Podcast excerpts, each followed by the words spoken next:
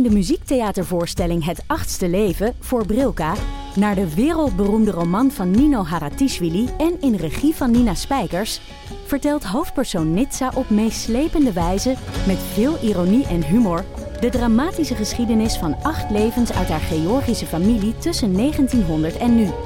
Een hartverscheurend en tegelijk troostrijk drama verteld vanuit het perspectief van vrouwen uit verschillende generaties waarbij het publiek meegenomen wordt op een emotionele, visuele en muzikale reis door de 20ste eeuw. Koop je tickets voor het achtste leven via oostpol.nl. Mijn naam is Botte Jellema. Jouw naam is Ipe Driessen. Wij zijn van De Eeuw van de Amateur. De Eeuw van de Amateur is een podcast die gaat over...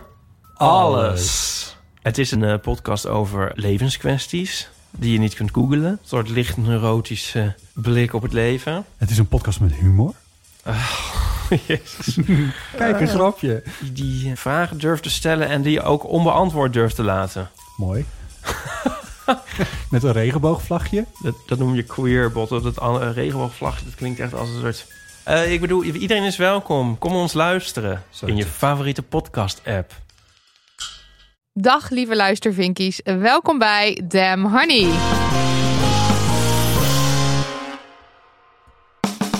De podcast over shit waar je als vrouw van deze tijd mee moet dealen. Mijn naam is Marilotte. En ik ben Lydia. En dit is aflevering 110. Ja, 110. Ja, inderdaad, 110. Uh, we blikken terug op uh, afgelopen week aan de hand van onze Damn Honey Noos en, uh, en Jesse. wat een week was het weer. Zo. Um, maar eerst even een leuk bericht. Een leuk bericht van ja. Lopke. Lieve Nidia en Marilotte, vorige week waren jullie bij ons in het theater voor een fantastische feministische avond. We hebben toen overlegd.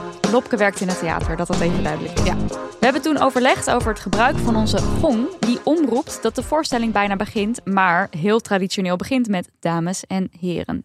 We hebben er toen voor gekozen niet te gongen en zelf om te roepen. Met mijn werkgroep Diversiteit en Inclusie hebben we de gong al vaker aangekaart en vonden we nog niet genoeg draagvlak om het aan te passen. Dankzij jullie hebben we het gesprek opnieuw geopend en is dit in een stroomversnelling gekomen. We mogen nu een nieuw voorstel doen voor de gong en het daadwerkelijk laten aanpassen. Deze persoonlijke Damn Yes wilde ik toch even met jullie delen. Hoe leuk! Ja, oh, klein, klein, klein succes. Ja, dat vind ik wel. En ik vind het dan toch wel grappig ergens dat wij dan nu de rol van de artiest hebben. Ja, en, dat je dan toch iets meer gewicht in de weegschaal kan leggen, blijkbaar. Terwijl Lopke dit al lang had aangekaart en al lang daar dus mee bezig was. Maar als jij dan als artiest zegt van nee, dat vinden we niet prettig. Ja. Dan, dan is er toch weer meer dan is de, de, de, artiest wil het niet. En als de artiest er niet op zit te wachten, dan moet het wel aangepast worden. Maar ik vond het echt leuk, want uh, Lopke stond opeens in onze deuropening met... Uh, hoi, ja, we hebben dus een uh, gong en die is best wel... ja. En dat willen jullie denk ik niet. En ja. toen zeiden wij, nee, dat willen we inderdaad niet. En ik denk dus dat het misschien wel vaker gebeurt hoor, dat er zo'n gong klinkt. Maar dat weten wij gewoon helemaal niet. Want dat gaat natuurlijk allemaal buiten ons om. Dat wordt gewoon aangezet. En zij kwam het dus echt even vragen. En het had er ook echt zo van tevoren goed over nagedacht. Ik vond het zo prettig daar. Ik ook. Het was een fantastische ervaring. Het was een fantastische ervaring. Ik ben trouwens dan wel benieuwd als het vaker klinkt. Ja, uh, ik heb het gevoel dat als het vaker klinkt, dat we dan wel berichtjes, berichtjes hadden gekregen. Ja, kan, ja. Maar ja, laten we wel wezen. Weet je hoeveel uh, uh, toiletten er ook? Die zijn ook echt niet neutraal als we in al die theaters nee, komen. Nee, nee, absoluut niet. En daar hebben we ook geen berichtjes over gehad. Nee. Dus je weet het gewoon niet. Nee, nee dat klopt. Ja, ik, bij, bij zo'n gong denk ik dan toch, dat is toch een beetje een noviteit. Aan de wc's zijn we tegenwoordig wel, of zijn we wel gewend dat, dat, dat die tweedeling daar is of zo. Dat je soort van denkt, ja, yeah, die tweedeling. Daar maar, gaan we weer. Zo, ja, ja, maar bij zo'n gong denk je, oh, dat is wel weer ja, weet niet. Misschien, nou, ik weet het niet. Ik ben wel benieuwd. Mochten er mensen zijn in andere die in theater zijn geweest en denken: hey, ik heb zo'n bericht gehoord, laat even weten. Ja. ja. We gaan deze artiesten gaan dan even halen. Ja, precies. Kijken of het werkt.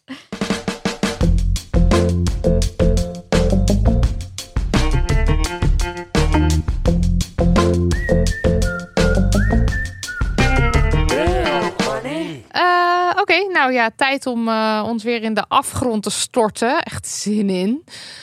Uh, nou. Nidia, de Damn Honey Nose van deze week. Ja, nou, we nemen op op woensdag, de 23e. Dus wie weet wat er nog gebeurt. Gaat gebeuren. De komende ja. dagen. Maar we hebben wel het een en ander natuurlijk van de afgelopen dagen. Laat ik beginnen met uh, de demonstratie in um, Staphorst door Kick-Out Zwarte Piet. Die zou, zou plaatsvinden op 19 november, afgelopen zaterdag. Ehm, maar ja, dat uh, mocht niet. Ondanks dat we een uh, ontzettend hard demonstratierecht in Nederland hebben, waar iedereen altijd erg van um, ja, onder de indruk is. Of altijd erg is van, nou, dat is belangrijk, dat hebben we. Daar moet je altijd maar, weet je wel, uh, de anti-abortus mensen, die mogen daar staan. Ja. Want het is nou eenmaal het recht. En dat is heel vervelend dat je dat, dat je dat niet wil, maar het is het recht. Er wordt gewoon heel erg veel waarde aangegeven. Ja, het is een, Terecht, het is een hè? fundamenteel recht om gewoon je te kunnen uitspreken tegen iets waar je het niet mee eens bent. Precies. Nou, eh Kick-Out Zwarte Piet had echt ver van tevoren aangekondigd. Wij komen naar Staphorst. Daar is een Sinterklaas-intocht. Nog altijd met Zwarte Pieten.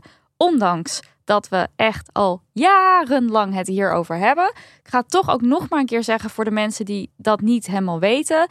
Ehm, het het eh, eh, geluid tegen Zwarte Piet is niet iets van de afgelopen jaren. Dat is een jarenlang verhaal van actie voeren met de actiegroep in de jaren 90. eh, Zwarte Piet is Zwart Verdriet. Daar hebben we een aflevering over gemaakt met actievoerder Lulu Helder. Die kan je ook terugluisteren. Eh, er was al een keer Gerda Havertong die in Sesamstraat notabene 1987 zich hier al heeft, over heeft uitgesproken. En de Groene Amsterdammer heeft een artikel in 1926 27. 27 gepubliceerd al, waarin een kritisch geluid stond. Dus het is niet iets van de afgelopen jaren.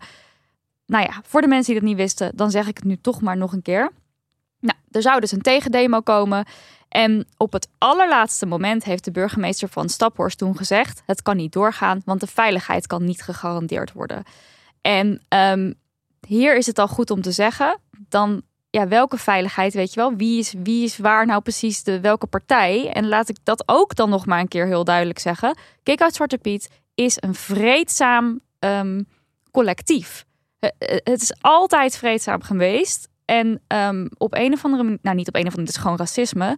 eh, wordt elke keer het beeld geschetst, ook in de media, dat Kick-Out Zwarte Piet degene is die ehm, Ja, Harry Schop. uitlokt, Ja. herrie schopt, die ervoor zorgt dat er conflict ontstaat. Dat is niet waar. En ook als het dus gaat over dat de veiligheid niet gegarandeerd kan worden, dan hebben we het er dus niet over dat dat niet gegarandeerd kan worden, omdat Kick-Out Zwarte Piet daarvoor zou zorgen. Nee, dat komt omdat er een meute aan mensen stond, ehm, waarvan een deel ook eh, in blackface. eh, met brandende fakkels. Die stonden klaar met olie. Stonden klaar met eieren. Eh, noem het allemaal maar op. De meest heftige shit. Om de demonstranten van Kick-Out Zwarte Piet ehm, aan te vallen. En die mensen, de, de demonstranten van Kick-Out Zwarte Piet, waren dus al onderweg. Want het werd op het allerlaatste moment werd het afgezegd. Dus Ja. deze mensen wisten in principe dus niet dat het afgezegd was. En dan kom je daar dus en dan zijn de toegangswegen naar Staphorst zijn dan allemaal geblokkeerd door boze mensen, eh, waarvan een deel in blackface. En eh, Terreurplegers, zo noemde Sylvana Simons. Hè? Dat En dat lijkt wel me een het hele goede woord. Het goede woord ervoor. En dan is het dus zo, oké, als jij als burgemeester inziet dat je niet de veiligheid kan garanderen, moet je in ieder geval ook zorgen dat de mensen die al onderweg zijn en deze boodschap niet meekrijgen, dus veilig zijn. Ja. En alsnog waren ze niet veilig. Nee, want ehm, er was die georganiseerde groep ehm, eh, terreurplegers, laat ik ze dan eens ook zo noemen. Die stond dus klaar. En eh, de politie en de ME, die stond erbij en die keek ernaar. Ja. Dus er is met vuurwerk gegooid, met olie gegooid, met eieren gegooid. Ook in auto's. Aangestoken fakkels, lekgestoken banden. Er zijn spullen gestolen. Er zijn demonstranten uit hun auto getrokken. Er is bewust ingereden op de bus met waar demonstranten in zaten. Er is een banner eh, gestolen van de Kick-Out Zwarte Piet demonstranten. Die in de fik is gestoken. Heel ontzettend heftige shit is daar gebeurd. Ehm, en de politie, nogmaals, heeft dat toegestaan. En ze hebben daar achteraf over gezegd van ja, eh, we hebben ehm, niet ingegrepen om meer escalatie te voorkomen. Zo'n soort zin heb ik ergens voorbij was het zien niet, komen. we hebben het laten escaleren, Escaleren om te zorgen dat het niet... escalatie te voorkomen. Nou, sorry, maar je dan... weet toch niet wat je Nu- leest. Mijn, klomp is gebroken. Ja. Maar het is, het, het, ik kan gewoon niet zo goed bij dat gevoel van soort van dat dat ehm, dat die die hoe noem je ze nou tuig nee rails Terreur, terreurplegers plegers. dat die dan dus zo het gevoel hebben dat dit hun recht is om te doen. Maar dat is dus ook gewoon elke keer weer. Want uh, oké, Savannah Simons heeft dus in de Tweede Kamer een uh, pleidooi gehouden. En zij zegt ook daar van het is een opeenstapeling. 2011 Dordrecht, 2014 Gouda, 2016 Rotterdam Maasluis, 2017 Dokkum. Dat is de hashtag blokkeervriezen situatie geweest ontzettend gevaarlijke situatie ook. Hè? 2018 Eindhoven, Den Haag, Groningen en andere. 2019 Den Haag. 2020 Maastricht. 2021 Volendam. 2022 Staphorst. Als, als terreurpleger, je ziet dit allemaal gebeuren. En je wordt dus ook gewoon wederom gewoon weer um, geholpen door de politie eigenlijk. Doordat zij gewoon toestaan en niks doen. Ja, je gaat vanzelf denken dat dat gewoon toegestaan is. En dat je dat gewoon dat je lekker gewoon los kan gaan op deze mensen. Want blijkbaar kan het dus ook. Want er is ook niemand aangehouden. Ik vind, ik vind het gewoon zo triest telkens weer dat contrast tussen hoe er bij bepaalde groepen nou, opgetreden wordt. Hoe de, hoe de ene groep, zeg maar, soort van alles kan doen en eigenlijk nauwelijks uh, straffen of consequenties heeft. En de andere groep, en dan heb ik het dus over Kick-Out Zwarte Piet, de hele tijd de lul is. Ja, en dat dat dat daar ook debatten over worden gevoerd. Um, alsof, er, alsof er nog een soort. Uh, alsof er niet partij getrokken wordt, zeg maar. Alsof de politie bijvoorbeeld nog steeds zo onpartijdig is. terwijl dat is niet zo. Um, eerst even nog heel kort over de media. Hoe zij dan hierover berichten? Daar zie je dan dingen als conflict. Waarbij je dan eigenlijk het gevoel krijgt als lezer dat er dus van twee kanten een conflict situatie ontstaat. Wat dus niet het geval is. Het is um, een recht om daar te gaan demonstreren. Ik heb op Instagram een discussie met iemand gehad onder onze post van ga daar dan ook niet heen of zo. Kijk, als jij, als jij vindt dat die mensen dat dat, dat, dat dat raar is om daarvoor te demonstreren. Kijk, ik ben het daar niet mee eens, maar het is jouw recht om dat als mening te hebben. Maar het is een recht van Nederlanders dat je mag demonstreren. Dus ook als jij het er niet mee eens bent, is het dat is gewoon iets wat mag en kan en wat niet. Het is niet illegaal of zo wat deze mensen doen. Nee. Versus de extreme geweldpleging, racistische geweldpleging, die wel hartstikke illegaal is. En als jij het Hoe ga je het nou opnemen voor de mensen ja. die, nou, ik, Oh, want, want, dat, want, want jij, hebt, jij bent een discussie aangegaan, maar ik heb nog best wel wat berichtjes verwijderd van uh, je moet ook niet naar Staphorst gaan en dit is toch gewoon van stap. En ik, ik, kan, ik kan daar gewoon niet mee, want uh, dit is de, de, je, ja, uh, hallo, die mensen, dit was een, een, fucking vak voor ze gereserveerd waar ze gewoon zouden gaan staan. En de politie wist het ver van tevoren. Ze hadden allerlei maatregelen kunnen nemen om te zorgen dat het veilig gebeurt. Ja. Oké, maar wat de media nu schrijven is dus conflict. Er werd ook gesproken over tegendemonstranten. Zo werden dus de terreurplegers dan genoemd. Dat werd in de krant, werd ik dat, zag ik dat ergens voorbij komen. Maar ook Dylan Yeşilgöz, dat is de minister van Veiligheid en Justitie... die eerder heeft gezegd dat woke een bedreiging is voor Nederland. Mm Ik heb er geen woorden voor. Nee. Um, die, die, sprak ook over tegendemonstranten. Het, dat is niet aan de hand. Zo moet je ze ook niet, zo moet je ze ook niet um, neerzetten. Want het zijn dus terreurplegers die met illegale shit komen, die met fakkels en olie komen. Ja, en die mensen dus heel erg bang maken en ook daadwerkelijk in gevaar brengen. Precies. Um, nou, het grondrecht uh, op demonstreren wordt dus uh, ingeperkt op deze manier. Al jarenlang zei ook uh, Sylvana Simons in de Tweede Kamer: politie ME geeft geweld ruim baan. En ze zei ook: Amnesty heeft ook al de noodklok geslagen over demonstratierecht in Nederland. Want zij maken zich zorgen omdat het recht onder druk staat. En vervolgens wil de politie zelf onderzoek doen. Oh ja, lekker intern Goed houden. idee. Ja. En um, daar um, heeft uh, Simons ook op gereageerd. Van ja, um, onderzoek, onderzoek. Uh, er wordt gewoon al meer dan tien jaar zien we dat antiracisme-activisten worden gehinderd. Um, en dat er dan nu dus eerst weer van... Nee, eerst maar zien wat er in Staphorst nou precies is gebeurd. Ik bedoel, dat is ehm, toch ook gewoon duidelijk. Los voor, dat los voor Staphorst dat daar wellicht een onderzoek voor opgestart moet worden. Wat overigens niet door de politie moet gebeuren, maar dat moet dan onafhankelijk gebeuren. Maar even los, los van Stap, dit is gewoon het zoveelste incident. Uh, je had het onderzoek al jaren geleden moeten starten wat nog meer voor een onderzoek voor nu specifiek dit moment moet je dan hier weer doen om dan weer te kunnen afkeuren of zo. Weet je wel, wat, wat heb je nog meer nodig? Hoeveel meer moet je, hoeveel meer bewijs moet je hebben? Ja, het is toch duidelijk um, wat hier gebeurt. Het is gewoon een patroon van uh, discriminatie, racisme, ook bij de politie. Ehm, en wij hebben ook die documentaire laatst, alweer een tijdje geleden besproken, De Blauwe Familie. Ehm, waar ook uitgebreid in werd gegaan over discriminatie bij de politie. Dat is geen, geen ehm, eh, soort van, oh, Nee, dat weten niet- we niet of zo. Dat en is het- gewoon out in die open. Dat weten we met z'n allen. En dat wil niet zeggen dat elke individuele agent racistisch is. Want daar heeft eh Jessel Gus geloof ik ook weer wat over gezegd. Van, en dan mijn mannen en vrouwen die jij dan zo nu voor, voor als racist... eh, zo iets in die zin heeft zij tegen Savannah Simons gezegd.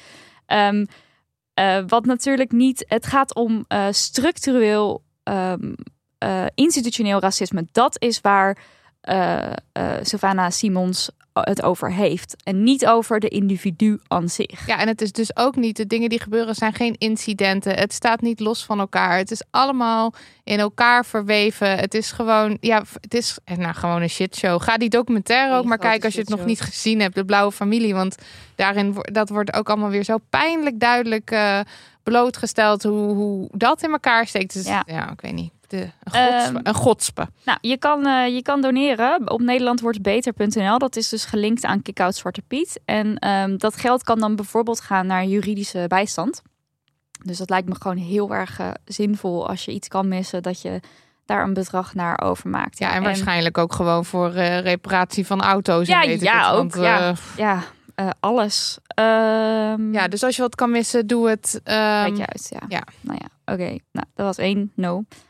Dan hadden we ook nog, yet again, een eh, grensoverschrijdend gedrag op de werkvloer situatie. Het is goed om te weten, het gaat niet over seksueel grensoverschrijdend gedrag voor mensen die er misschien een trigger op hebben. Ik kan me ook voorstellen dat je ook op normaal, ja normaal, ja, oh, grensoverschrijdend. Het gaat regular over grens- ja, grensoverschrijdend maar niet, spe- niet over. Dan weten mensen dat. Dan kunnen ze Ja. wel of niet kiezen of ze verder willen, lu- willen luisteren.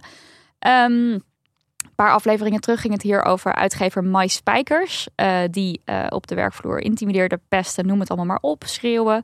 Daar had Ronit Balash toen een goed stuk over geschreven. Vraag me echt af trouwens wat die man nu aan het doen is, die Mai Spijkers. Die Ja, dat nog is steeds- toch gewoon allemaal nog steeds gewoon de overgewaaid. tiran aan het uithangen. Ja, dat lijkt me je ook. het- Nee, dat lijkt me ook. En ik bedoel, ik weet niet of die taken heeft moeten neerleggen of Ja, maar het is zijn eigen maar- uitgeverij. Dus wie gaat dan zeggen dat Wie hij gaat- taken moet? Ja, precies. Maar oké. Eh, nu kwam de Volkskrant met een extreem uitgebreid artikel eh, en onderzoek. Echt met meer dan 50 mensen, 50 mensen hebben ze gesproken. Over misstanden op de redactie van De Wereld Draait Door. Door presentator Matthijs van Nieuwkerk. Veel mensen, denk ik, niet, niet onbekend. Nee, zeker. Niet onbekend. Leuke, goede naam. Eh, maar ook door eh, eindredacteur eh Djoeke Winia. En dat artikel aan zich, of eigenlijk de situaties die daarin besproken worden, dat is gewoon al eh, verschrikkelijk. Eh, er was ook ontzettend veel uitval op de redactie. Dus mensen die gingen naar huis met burn-outs. Ze, ze, ze namen ontslag. Heel groot omloop. Verloop was er op de redactie. omloop, toch? Omloop. Dat, ja. Het werd ook in, de, in het stuk als eh, de, de burn-out machine werd het eh, Precies. genoemd. Ja, en ehm, nou, een voorbeeld van wat er dan gebeurde. Ehm, ik heb even een, even een stukje eruit gehaald uit het artikel. Dat is een geluidsman die wordt op het matje geroepen door Matthijs van Nieuwkerk. Omdat hij per ongeluk tijdens de live-uitzending een stukje audio laat horen van eerder van tijdens de repetities, als ik het goed heb begrepen. Nou, wat gebeurt er dan? Jij, schreeuwt de presentator volgens meerdere getuigen. Jij had hier op je knieën moeten zitten en moeten zeggen sorry. Onthutst kijken mensen naar wat er gebeurt. Zeg sorry, meneer Van Nieuwkerk, roept de presentator. Om hen heen is het doodstil. Echt. De vernedering. Echt hoor. Hoe durf je? En ja, nou, het is één, grote, één groot verhaal van schreeuw, angst, onveilige omgeving, eh, enorme werkdruk, noem het allemaal maar op. Gewoon één grote verschrikkelijkheid waarvan wij ook natuurlijk wel weten van ja, dat is de, de wereldtijd door is dan nu weer, wordt er nu weer uitgepikt. My Spijkers werd er laatst al Ja, uitgepikt. maar ja, je had wel. eh, de voice. Ik bedoel, dat, is, dat was er zijn zoveel grensoverschrijdend gedrag. Maar er is op al, al die plekken. En volgens mij dus ja, op al die plekken waar een soort machtshierarchie is, daar is dit, denk ik. Ja. En ik, ik- waar ik dus het meest, want ik ben, ik ben dan dat ik was dat artikel aan het lezen en dan, dan, dan lees je hoe ontzettend belangrijk Matthijs van Nieuwkerk en iedereen En de wereld draait natuurlijk door. gewoon de wereld draait door Ja. zichzelf vindt en de wereld draait door vindt en zo. En dan lees je dus de hele tijd over, zeg maar ook reacties of, of mensen daar op, eh, op, op hoge plekken die dan zeggen van ja, maar het is ook de werkdruk. Sommige mensen kunnen dat niet aan en dan dat If you eeuwige. stand the heat, Ja. Get out of the kitchen. Ja, en eh, ik zag het trouwens op Twitter, want dit is mijn gevoel de hele tijd. En ik zag hem op Twitter ook zo goed samengevat.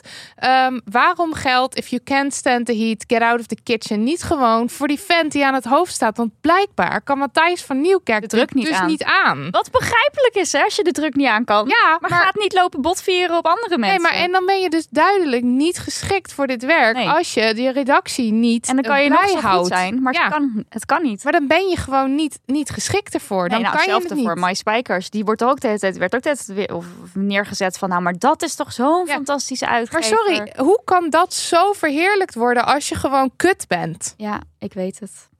Eh, stond ook in het stuk. Zwaarste moment van de dag is de repetitie. Elke middag om vijf uur gaat de redactie naar de studio. Aan tafel spelen redacteuren dan de gast die ze hebben voorbereid. Terwijl Van Nieuwkerk hen interviewt. Collega's kijken met klamme handen mee. Want nou ja, dit was dan een moment van als je dan in de fout ging, dan eh, was het niet leuk. Nou, en guess who was on the first row?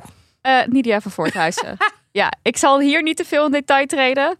Eh, maar ik heb dus vier jaar als eh, barmeid gewerkt bij de studio van De Wereldtijd Door. En eh, ik ben best wel vaak bij die opnames geweest, want de, de bar was gewoon in de studio. Dus ik heb wel het een en ander daar wel gezien. Eh, maar daarover meer. Ja, daar gaan we in de bonusaflevering zo meteen even over Het is, ik heb ook weer niet zoveel gezien. Maar ik heb wel, zeg maar, ik herkende wel eh, dingen in dat stuk. En het gaat ook helemaal niet over mij verder. Dus we hoeven het er helemaal niet nu uitgebreid over te hebben. Maar het verbaasde me ook dus niks. Zoals Nee. veel mensen, denk ik wel, ehm, die ook maar enigszins deze man gezien hebben in actie. Ik daarentegen wist Ehm, echt van niks, maar het verbaast me alsnog niks. Nee, nee, precies. Ehm, wat dan? Wat nou? Daar heb je dus één. Die situatie is natuurlijk al verschrikkelijk. Maar wat ik dan ook weer zo kut vind, is dat je dan nu allerlei BN'ers hebt die dan gaan zeggen: Nou, Ik had nooit iets door. ik heb niks gemerkt. Ja, ik vraag me dan af: moet je dat dan zeggen? Ja. Hou gewoon je mond. Want natuurlijk had jij niks door, want dat kan ik wel vast zeggen. Matthijs van Nieuwkerk heeft twee gezichten. Het barmeisje, die weet hij niet. Die zal hij niet nooit herkennen op straat. Hij heeft geen idee, ook al sta je de beste man vier jaar lang Fanta te serveren. Want je, je bent gewoon geen belangrijke speler. ja, Je bent een er oninteressant type. Maar eh, zodra er iemand binnenkomt lopen die wel een belangrijke persoon is, dan is het natuurlijk: eh, hallo, eh, leuk, gezellig. Ja, de, dat zo werken toch alle abusers? Of alle mensen die, die op dit soort eh, eh, twee, twee gezichten hebben, is toch heel. is, ja. dit is wat dit is. Ja. Dus ja, dan is het niet zo gek dat jij als gast, en zeker als, als je gast was die vaak aangeschoven heeft. Ja, dan ben je toch gewoon dat je het dan niet door hebt. Ja, en Ja. dit is nou precies ook elke keer wat je weer terug hoort. Weet je, van ja, maar dat kan toch niet? Want hij, want of zij, zo'n leuke persoon, zo'n leuke, gezellige vriendelijkerd. Ook die mensen kunnen nare mensen zijn. En geloof nou maar gewoon, als dat overal door 50 redacteuren wordt bevestigd, precies. geloof het dan toch alsjeblieft. Ja, want dit, gaat, dit, is, niet- dit is niet gelul van 50 mensen. Maar nog kwalijker dan eigenlijk is dan zo iemand als Hugo Borst die dan dus bij de talkshow Rensen dan toch weer zoiets moet zeggen van hé, maar als het allemaal zo erg was, waarom bleven die mensen daar dan werken? Oh. Ja, wij hebben vanochtend, blaming. wij hebben vanochtend de aflevering van de Mediameiden zitten luisteren ook over. Want eh, Mhm. een van hen heeft gewerkt bij de Wereld Draait Door. En daar zeg maar niet dat dit ook nog maar enige verantwoording eh, nodig heeft. Maar daarin leggen ze ook uit waarom het dus ook best wel lastig is om zomaar weg te gaan. Omdat Tuurlijk, maar dat het- is met- altijd toch ook in een onveilige relatie waar geweld is. Altijd waar. wat is nou abuse in Nederlands? Ja, geen Ja, idee. mishandeling. Mishandeling, of het nou psychisch is of, eh, Ja. of fysiek. Als er sprake is van mishandeling, van grensoverschrijdend gedrag, is het altijd moeilijk om daaruit te stappen. Dat zie je gewoon heel vaak. En ook in dit stuk. eh Janine Abbring kwam naar voren als eigenlijk een van de weinigen die echt zich heeft durven uitspreken. En die gewoon heeft gezegd van nou, dit pik ik niet. Ik Ja. ga er vandoor. Maar zij was echt maar een van de weinigen die dat heeft gekund. Want dat is heel erg moeilijk. En het is dus niet dat jij een zwakke speler of whatever bent van nou, blijkbaar vond je het toch wel leuk, want anders was je gebleven. Zo werkt het gewoon niet. Nee, maar En het is ook en- nog eens iemands werk, hè? Ja, dus maar even en- los van leuk eh, of van, van een bepaald soort van drang voelen van ik moet mezelf bewijzen, is het ook nog gewoon je inkomen. Ja, en ja, precies. En het is dus, want dat werd ook uitgelegd in de podcast van de Media Meiden. Het is daar echt een shitshow als het gaat over contracten en Ja, zo. dat Omdat was het ook. allemaal van die korte contracten zijn. En je moet op bepaalde momenten vakantie nemen. En dat moet je dan, als je, dan kan je niet weg, want dan moet je dat weer afmaken. Of dan moet je weer weg. Het is gewoon niet goed geregeld. Dus het is eigenlijk ook ehm, even los van, eh, van we, eh, dat er een angstcultuur is. Het is ook een soort van de ideale omstandigheden om zo'n angstcultuur te creëren. Want mensen kunnen ook bijna niet weg. Precies. En daar zou, eh, of daar moet eh, eh, eh, en en BNN, VARA en zo, daar, daar moeten zulke omroepen ook gewoon oog voor hebben. Dat je als werknemer ook, ook meer in je recht staat om iets te zeggen. In plaats Ja. van dat je gewoon bang bent, bang bent voor alle gevolgen. Ja. ja, en het is ook nog iets dat je het niet altijd even goed kan overzien, Nee, ik. precies. Als je er middenin zit. Want ook zeg maar wat ik dan wat ik dan af en toe gezien heb qua woede-uitbarstingen, het is gewoon nooit in mij opgekomen. Ik was ook maar gewoon een barmeisje. Ik had niks met die redactie te maken, maar het is ook nooit in mij opgekomen dat dat dus iets was wat niet oké was of zo. Want zo was het gewoon, snap je? ja. En dan stond ik er wel best wel ver buiten. En ik schrok er ook wel van. Maar tegelijkertijd dacht ik ook, ja, nou ja, dit is blijkbaar hoe het gaat in de televisiewereld. En dat is voor mij ook een reden geweest om niet verder te willen in de televisiewereld. Ik dacht van, nou, deze stress en eh, paniek, dat... eh, you stayed out of the kitchen. liever- ja, ik blijf liever eh, achter de bar. En nu lekker podcast te maken met Marilotte Hagen. Ehm, nou, ook wat ik ook echt kwalijk vond. Joeke Winia, dus lang eindredacteur geweest, hoofdredacteur. Die zei in het interview met Volkskrant... Het stemt me droevig dat nu de indruk wordt gewerkt... dat werken bij ons een nachtmerrie was. Als dat echt zo was... Ja. dan was de Wereld Door nooit zo'n vrolijk succesvol programma geworden. Wat een onzin. En nu is het dan toch weer een beetje zo van... Nou, er wordt toch weer een beetje zo gedaan van... Maar het was overdreven ja, allemaal. Want het, was, want het was heus ook leuk. En dat wordt ook in dat artikel gezet van, gezegd van... een goede dag was de beste dag uit je leven. Een slechte dag was de hel, zeg Ja. maar. Zoiets staat in dat stuk. Ehm, ik denk ook herkenbaar toch voor mensen die in een, eh, een relatie zitten met mishandeling. Van de ene keer word je opgehemeld en is het helemaal fantastisch en leuk en geweldig. En dan daarna is het allemaal verschrikkelijk. En dat is juist die afwisseling die er ook weer voor zorgt dat je dan toch misschien weer blijft. Want je denkt, ja, maar vandaag gaat het eigenlijk wel weer goed. Ja. En eigenlijk de hele week gaat het wel goed. Je wordt gewoon eh, gemanipuleerd waar je bij staat Ja. eigenlijk. Nou. Echt kutzig. En Frans Kleine, de eh VARA-directeur destijds, die daar heus wel van wist. Ze hadden het moeten zeggen. Zo iets wat hij dan nu de hele tijd zegt.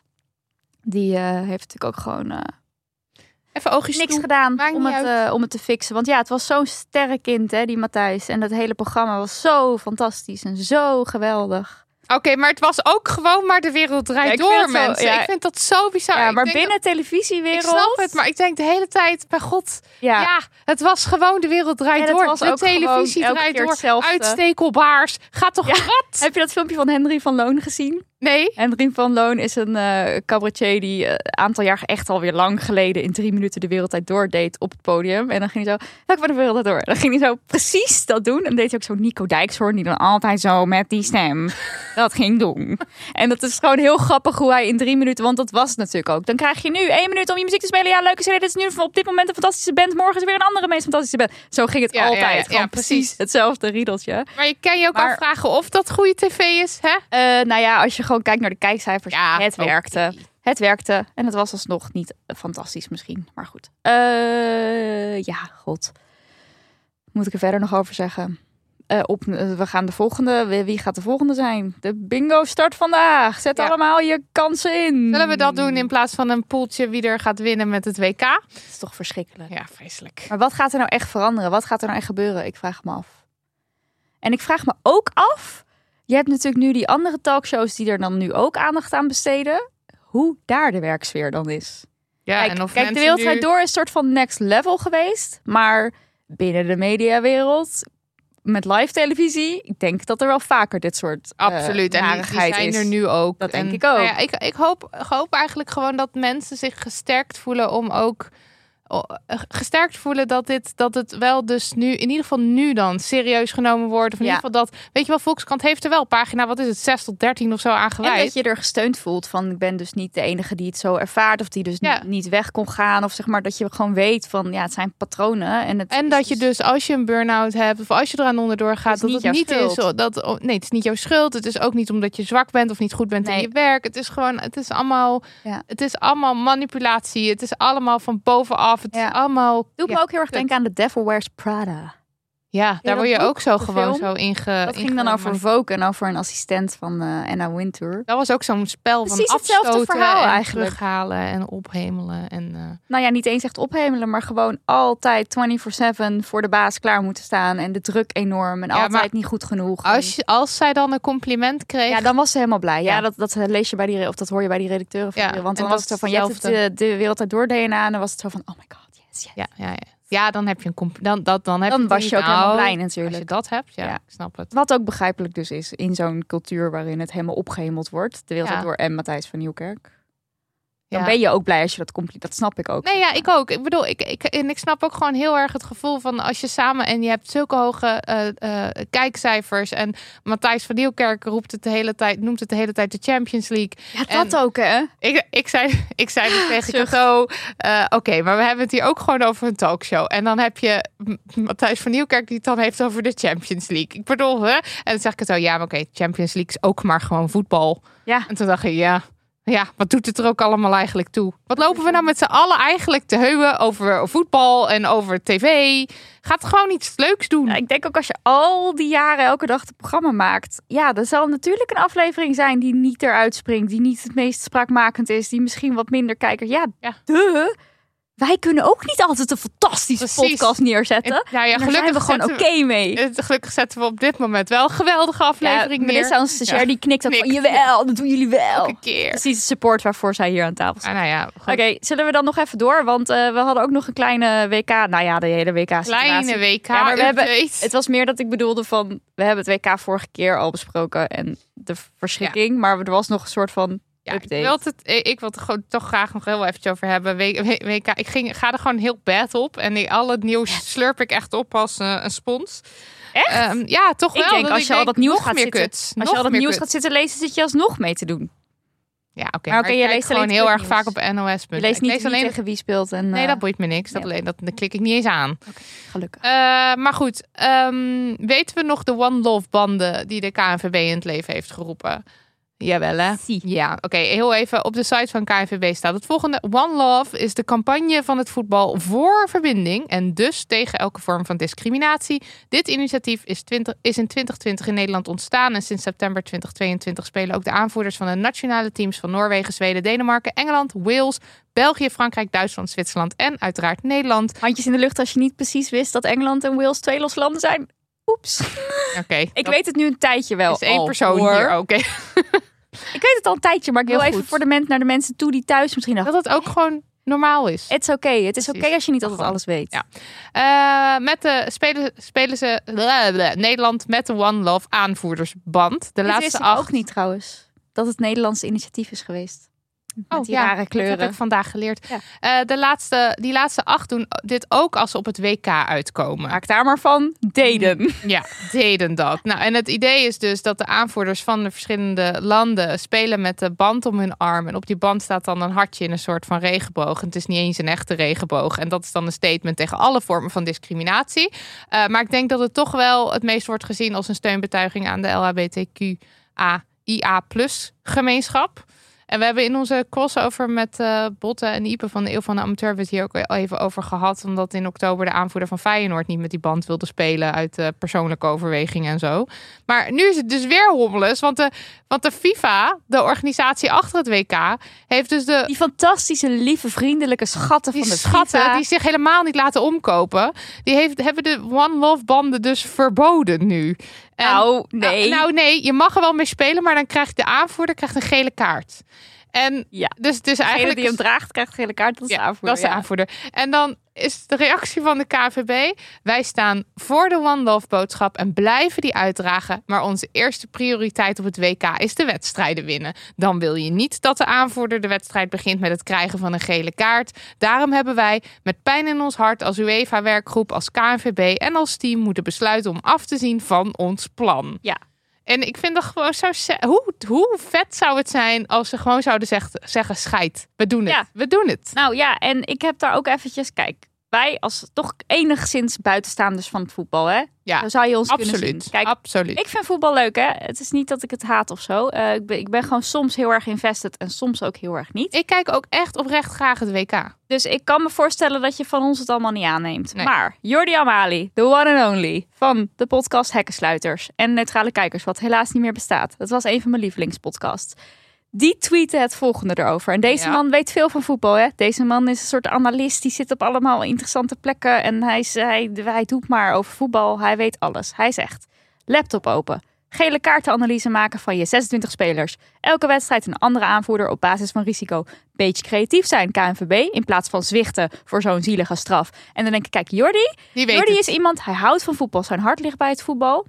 Hij, hij weet waar hij het over heeft. Kijk, als dat wij het zeggen, je doet gewoon die band om, Ja. je pakt gewoon die kaart, is misschien te makkelijk gezegd. Maar Absoluut. deze man weet waar hij het over heeft. Ja. Dus ik denk, als Jordi het zegt, KNVB, doe het dan ook. Ja, please. KNVB. Ja. Ja, en de KNVB had dus eerder laten weten dat een geldboete zouden ze wel accepteren voor het dragen van de One Love armband. Ja. Maar dat de FIFA ons op het veld wil straffen, Ja, is maar nog dat nooit vertoond. Is natuurlijk ook een ontzettend nare straf. Het is ook kut. Ja. Maar ik word er gewoon helemaal van. Wat is die hele One Love actie nog waard? Als je de hele tijd, als dit de hele tijd aan de hand is.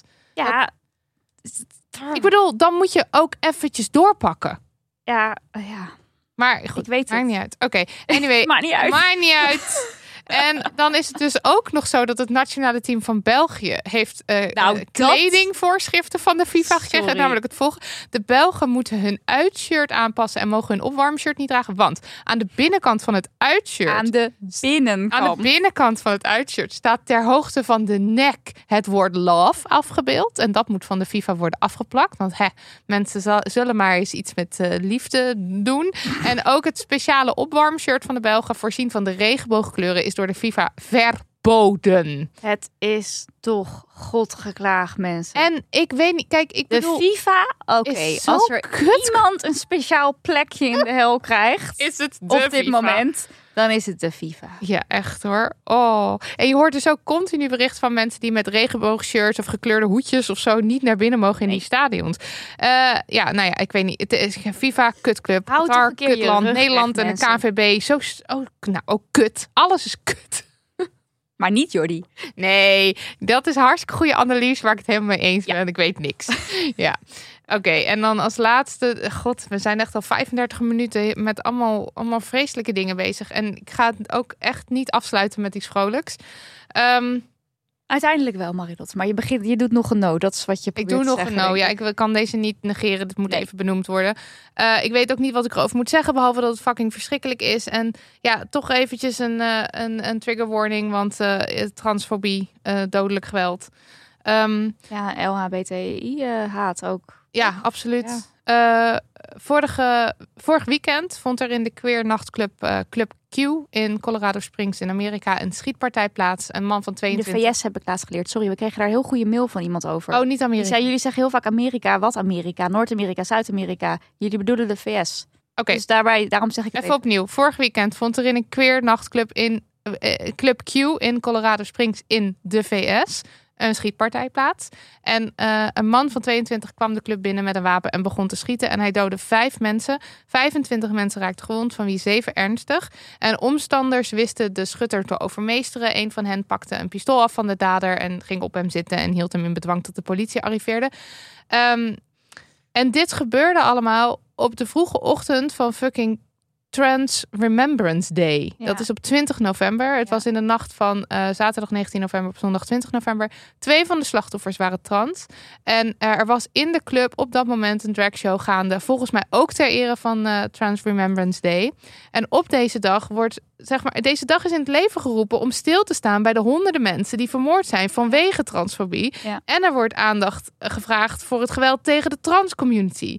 En dan gebeurt dit dus. En, en ik zat me, ik was net aan het googelen ook over deze gebeurtenis en over de schutter en over de, over de slachtoffers. Maar ik vind het gewoon allemaal zo fucking verdrietig en, en kut. Ik weet niet eens wat ik ermee moet.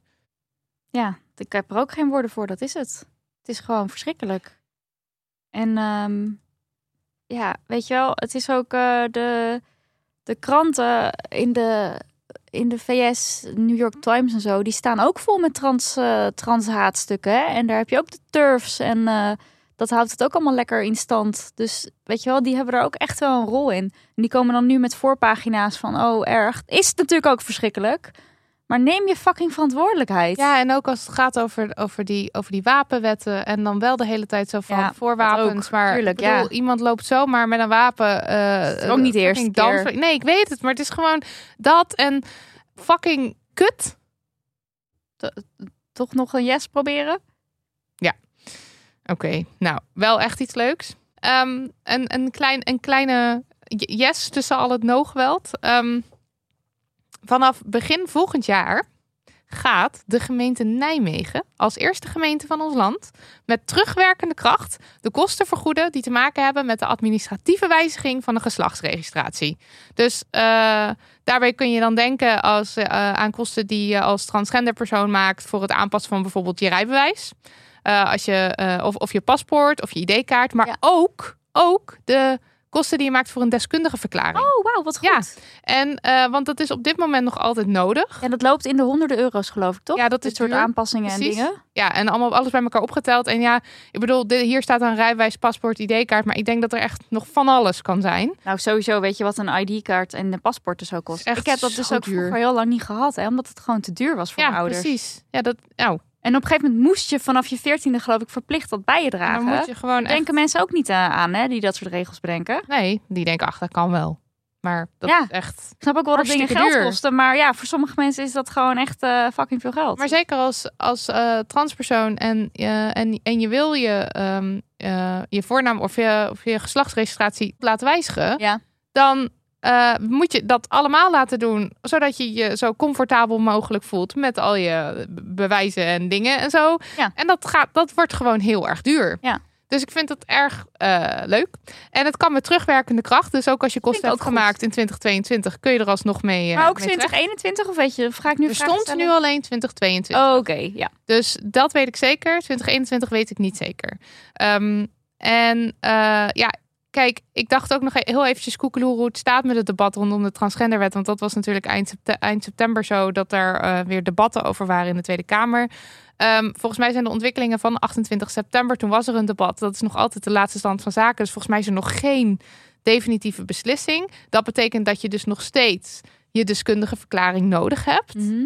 Ehm, ik hoop dat dat dus wel echt snel eh, afgeschaft wordt. En dat mensen gewoon zelf kunnen zeggen: hé, hey, luister, dit moet anders. Eh, en in de, nieuwe wet, in de nieuwe wet zouden jongeren ook eh, onder de 16 jaar ook hun geslachtsregistratie kunnen laten wijzigen. Dus het zijn gewoon allemaal goede dingen en ik hoop dat die erdoor komt. Ehm, maar ja, eh, we zijn er nog niet, dus dat is iets wat hopelijk komt. Maar dit is wel een yes, want de gemeente Nijmegen doet lekker mee. En ze noemen zichzelf ook een regenbooggemeente, wat ik ook leuk vind. Ehm, ja, en ze zeggen erover met het vergoeden van de kosten die trans mensen maken om hun geslachtsregistratie te wijzigen, hoopt de gemeente Nijmegen een bijdrage te leveren om een geslachtsregistratie die past bij hoe iemand zich voelt, laagdrempelig en toegankelijk te maken. Nice. En oh, Nijmegen. wel even, de gemeenteraad moet nog een beslissing hierover nemen. Maar als ik de berichten zo lees, dan is er geen reden om aan te nemen dat dit niet gaat lukken. Want vorig jaar vroeg een meerderheid van de gemeenteraad om zo'n kostenvergoeding. Dus eh, echt leuk, lekker bezig, Nijmegen. Dat is een leuke yes. Ja.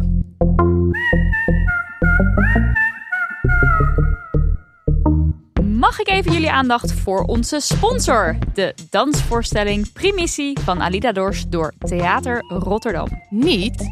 Wanneer heb jij voor het laatst een dansvoorstelling gezien? Ja, ik zat erover na te denken. Ik denk dat het nu twee jaar geleden is of zo. En dat was dus van een vriendin van mij die gewoon bij een soort amateurgezelschap zat. En dan kwamen er allemaal verschillende groepen die allemaal verschillende dans deden. En ik vond het echt fantastisch. En ik heb ook eerder een keer een voorstelling op de parade gezien die ik ook mega indrukwekkend vond. Maar toch zit dans niet altijd op mijn radar. Hmm. Toen zag ik de behind the scenes van Primissie. En toen dacht ik één van, oké, waarom ga ik nou niet vaker naar dans? Want eigenlijk als ik terugdenk, vind ik het altijd super vet. Maar twee, wanneer gaan we? Allemaal hele goede vragen. Ja, het is- bedankt. het, ziet er, ja, het ziet er echt geweldig uit. Even, even voor de mensen thuis eerst. Eh, Theater Rotterdam maakt elk jaar meerdere producties en eh, leidt de nieuwste generatie makers op onder leiding van artistieke directeur Alida Dors. En eh, zij is zelf ook maker en choreograaf. Ja, en ze presenteert dus nu haar nieuwste voorstelling, Primissie. Een dansvoorstelling die je door het hele land kunt zien. En even over die voorstelling. Begeleid door vier muzikanten worden er verschillende dansvormen zoals hip-hop, folk en crump door elkaar verweven. Ja, Primissie staat voor eh, toestemming, is Surinaams voor toestemming. eh, toestemming geven, krijgen, hebben. En in de voorstelling heeft Alida Dorst dat thema Primissie gekoppeld aan het thema zelfliefde. En samen met de zeven performers, die allemaal een eigen vrouwelijke energie hebben, is ze op onderzoek gegaan naar zelfliefde. En eh, daar hebben ze dus uiteindelijk met z'n allen de voorstelling over gemaakt. En ik vond het dus echt heel erg leuk om eh, die video te kijken, die behind the scenes video. Ehm, want daarin eh, zie je ook uh, Alida Dors die vertelt van nou, hoe is die voorstelling dan tot stand gekomen. En dan zegt ze dat haar manier van werken, dat begint bij haar eigen ervaringen, bij zichzelf. En dat ze van daaruit op zoek gaat naar um, grotere universele thema's. En dan gaat ze ook gesprekken aan met, met haar crew en zo. En dat vond ik heel leuk, want ja, dat is hoe wij zelf natuurlijk ook werken. Ja, is herkenbaar inderdaad. Heel herkenbaar. En uh, dan gewoon ja, beginnen vanuit eigen ervaringen, klein beginnen en het dan groter maken. En dan hopelijk dus met je werk mensen raken. Dus uh, ik, ik heb zin. Ik ook. Ja. Ook naar Primitie. Ga naar tr.nl slash Primitie voor meer info en tickets. Of check even de link in de beschrijving van deze podcast. En dan heb ik nog één leuke Yes boekentip. Yes boekentip. Yes boekentip. Namelijk het boek Hier zijn wij. Dove gemeenschap in Nederland. Uh, geschreven door Bea Bouwmeester en Linde Terpstra. Ja, en wij komen op dit moment van opnemen vers uit Groningen.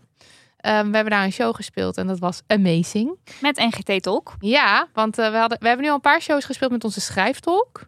Uh, Rosalinde Mooijman. Zij verzorgt dan de, de boventiteling. Wat bijvoorbeeld heel fijn kan zijn als je slechthorend bent. Of gewoon een woord hier en daar niet verstaat of zo. Of als je op latere leeftijd doof bent geworden ja, en geen NGT beheerst. Nee, dus dan kan je gewoon meelezen. Nederlandse gebarentaal NGT. Voor de mensen die heel denken, goed. waar heb je het over? Ja, ja, ja En uh, gisteren speelden we voor het eerst naast de schrijftolk ook met een tolk Nederlandse gebarentaal. Dus een NGT-tolk. Uh, Davy Latuparisa. En dat was, uh, ja, ik vond dat echt leuk. Zij stond gewoon naast ons op het podium. Uh, Gewoon haar werk te doen. Haar werk te doen. Ja. En toen um, zijn we ook, want ja, we dachten we zijn nu toch in Groningen. En uh, uh, Nidia, jij had een, uh, een tweet gezien. Ja, het kwam gewoon heel mooi samen. Oké, even kort samengevat. Lisa Hinderks is een activist, feminist. En zij is doof en zij schrijft daar ook regelmatig over. En ik had contact met haar gezocht om haar voor een aflevering te vragen. Dus ja. die hebben we ook gepland. En toen zat ik gisteren gewoon een beetje zo op Twitter. En toen zag ik dat zij dus geretweet had dat dat uh, boek, waar we het dus nu over hebben, hier zijn wij, dat dat uitkomt. En in Groningen heb je best wel een grote dovengemeenschap. En toen zag ik dus van je kan het boek kopen in Groningen, in een winkel in Luhu. Dat is een uh, koffiespeciaalzaak die gerund wordt door dove mensen. Maar ook echt vanaf vandaag of zo, toch? Gisteren, vanaf gisteren lag het boek daar. En wij gingen dus ook gisteren naar Groningen toe. Toen dacht ik van, nou, dit komt gewoon zo mooi samen. Dan gaan ja. we meteen dat boek halen. En uh, nou, de treinreis van Amsterdam naar Groningen, die is behoorlijk lang. Dus ik heb het hele boek meteen in de trein kunnen lezen. En um, ja, het gaat dus over de dovengemeenschap. En ik denk voor uh, mensen die dus zelf niet doof zijn, dat het, uh, ja, dat het heel leerzaam is. Maar het is ook gewoon een leuk, ook een leuk boek. Het is niet alleen maar een soort suffe, saaie, droog, droog materiaal of zo. Echt helemaal niet. Je leert er veel van over de dovengemeenschap. Het is gewoon echt een eigen cultuur, dovencultuur. Um, en ik denk dat heel veel niet-doven gewoon dat niet weten. Nee, precies. En ik wist er zelf ook maar heel weinig van. Um, nu weet je veel. Nu weet ik veel, inderdaad. Die zijn bijvoorbeeld de mensen die, dus, die spijt hebben dat ze NGT hebben geleerd.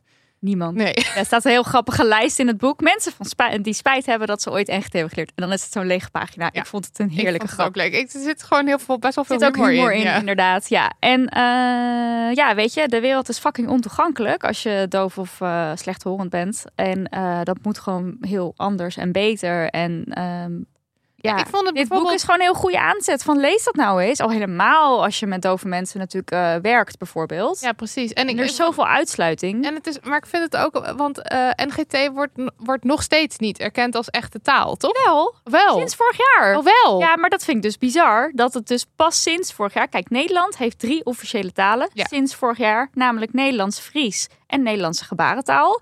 En Nederlandse gebarentaal is dus heel lang niet erkend als een echte taal. Terwijl het dus volledig eigen, eigen grammatica heeft. Het is gewoon een taal aan zich met eigen structuren.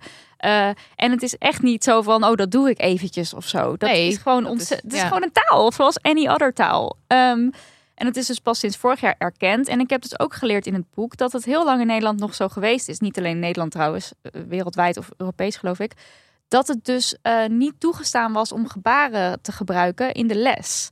Dus dat je als doof kind letterlijk met een liniaal een klap op je handen kreeg als je gebaren probeerde te gebruiken. Want dat was dan op een of ander congres was dat dan bedacht dat dat uh, dove mensen moesten spreken. Uh, en als je doof bent, uh, schijnt het heel moeilijk te zijn om te leren spreken. En dan kregen die kinderen dus les um, in bijvoorbeeld wat is de hoofdstad van Spanje. Dan moet je één weten wat de hoofdstad van Spanje is. Twee, je moet het ook nog uitspreken. Dus eigenlijk ben je altijd op twee niveaus dingen aan het leren, wat dus heel moeilijk is.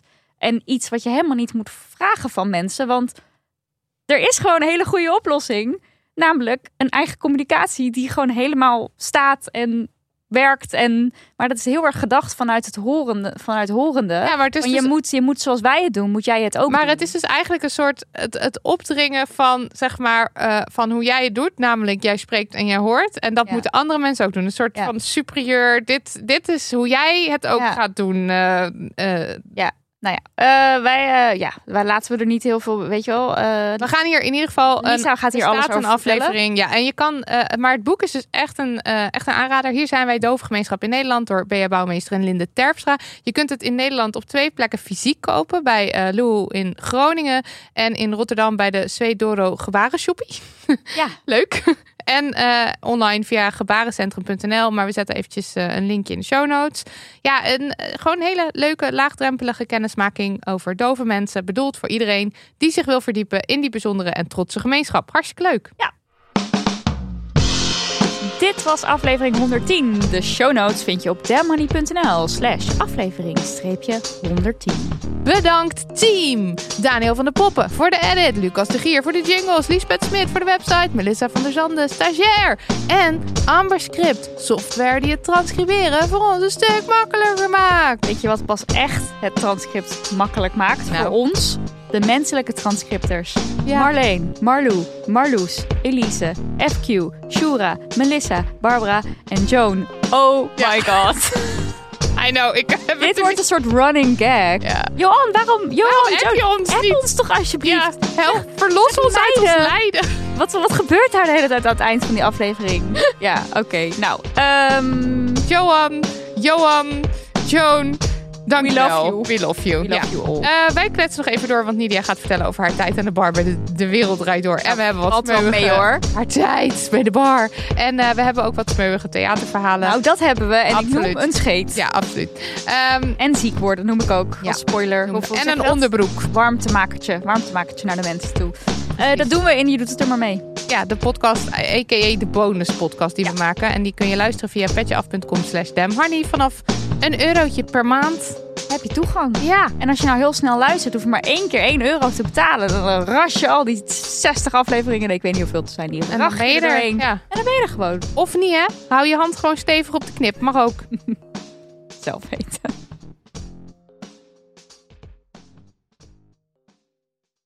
Nog even over die grootse en epische muziektheatervoorstelling. Het achtste leven voor Brilka is een marathonvoorstelling van 5 uur. Koop je tickets voor deze bijzondere theateravond via oostpol.nl.